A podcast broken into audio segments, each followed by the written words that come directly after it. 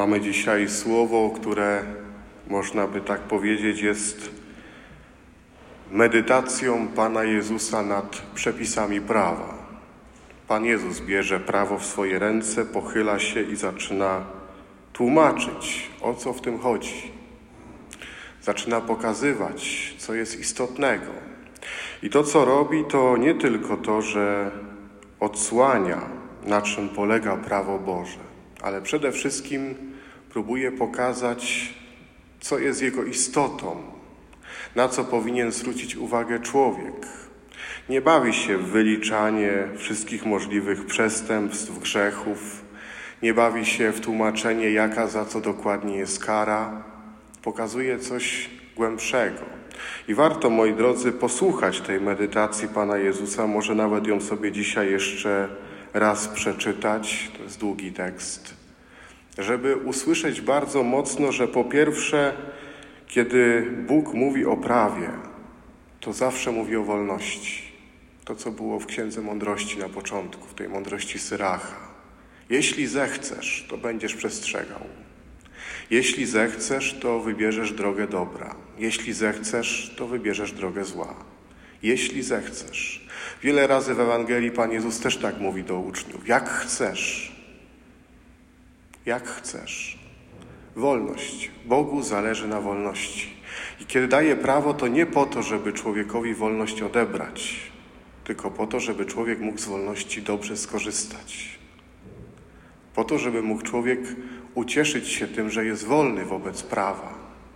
A z drugiej strony Bóg się objawia jako ten, który jest bardzo odważny i bardzo ufa człowiekowi.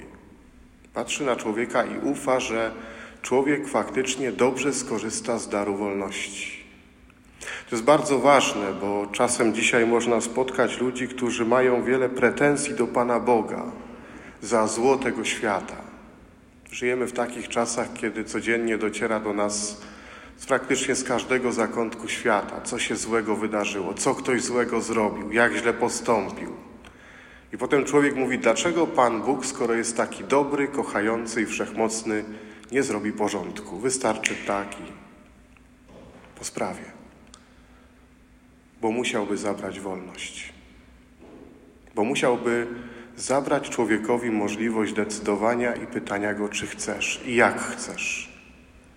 Ta wolność jest tak ważna i trzeba to dobrze zrozumieć i trzeba to w sobie odkryć, że to, że jestem wolny, to jest wielki dar Pana Boga, ale też wezwanie do tego, żeby faktycznie odkryć wolność, której jestem odpowiedzialny, wolność, której wybieram to, co dobre. Po drugie, w tej medytacji Jezus pokazuje, że prawo ma dotykać serca człowieka, że nie chodzi o literę, że nie chodzi o to, że człowiek weźmie przykazania i będzie przestrzegał tego, co tam jest dokładnie napisane, ale że odkryje, co tak naprawdę w tym prawie jest. Napisano nie zabijaj, a ja ci mówię, jak się gniewasz, to zabiłeś. Zupełnie inaczej postrzegane prawo. Zupełnie gdzie indziej ulokowane. Nie jest w książce, tylko w sercu człowieka. Jezusowi chodzi o to, żebyśmy odkryli, że prawo Boże jest wtedy naszym prawem, kiedy jest w naszych sercach. Kiedy się w sercu pytamy o to, na ile ja przestrzegam Bożych przykazań, na ile przestrzegam ośmiu błogosławieństw, na ile mam w sercu przykazania miłości. Na tyle, na ile to jest gdzieś głęboko we mnie i wychodzi ze mnie. I sobie szukam podstaw dla tego prawa, bo Bóg mi je dał do serca, nie do książki.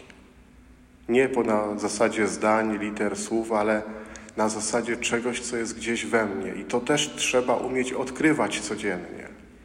To się robi na modlitwie. Jak człowiek się modli, to po to, żeby wsłuchiwać się tak w Słowo Boże, żeby one zostawało w sercu. I wtedy nie będzie problemu z tym, co robi Pan Jezus dzisiaj, z przepisami prawa.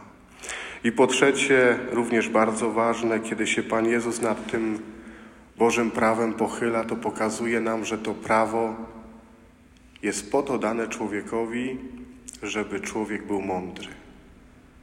To jest coś pięknego, że Bóg daje człowiekowi krótkie prawo, nie zawierające zbyt wiele treści, Po to, żeby człowiek był mądry, żeby żył mądrze, żeby w swoim życiu mógł powiedzieć, że to jest dobre, szczęśliwe, spokojne życie. I każdy, kto miał w swoim życiu taki moment, kiedy nie przestrzegał prawa, kiedy odszedł od prawa, kiedy zrobił coś wbrew Bożemu prawu, to bardzo często, żeby nie powiedzieć, że zawsze powinna przyjść taka refleksja, jaki ja byłem wtedy głupi. No właśnie, głupi, brakło mądrości. Prawo sprawia, że człowiek staje się mądry. Ten, kto przestrzega prawa, wybiera mądrość. Ten, kto szuka przykazań Bożych w sercu, wybiera mądrość. Ten, kto, kto dobrze korzysta z wolności, którą otrzymał od Boga, wybiera mądrość w życiu, staje się mądrym człowiekiem. To jest mądrość, że ja wiem, co jest dobre i potrafię to wykorzystać i tak postępować. Moi drodzy, zachęcam, żeby sobie znaleźć dzisiaj trochę czasu i pomedytować nad tym słowem. A dobrą praktyką w życiu jest, żeby przynajmniej raz w tygodniu na wieczornej modlitwie wziąć sobie dziesięć przykazań Bożych albo osiem błogosławieństw i pomodlić się tymi słowami. Nie przeczytać, tylko pomodlić się. Pomyśleć, co Bóg chce mi w tym dać. Dlaczego mnie tym obdarował? Dlaczego chce, abym tego przestrzegał? Żeby to zostawało w naszych sercach i żeby potem całe prawo, które żyjemy, prawo Boże, było z naszego serca. Amen.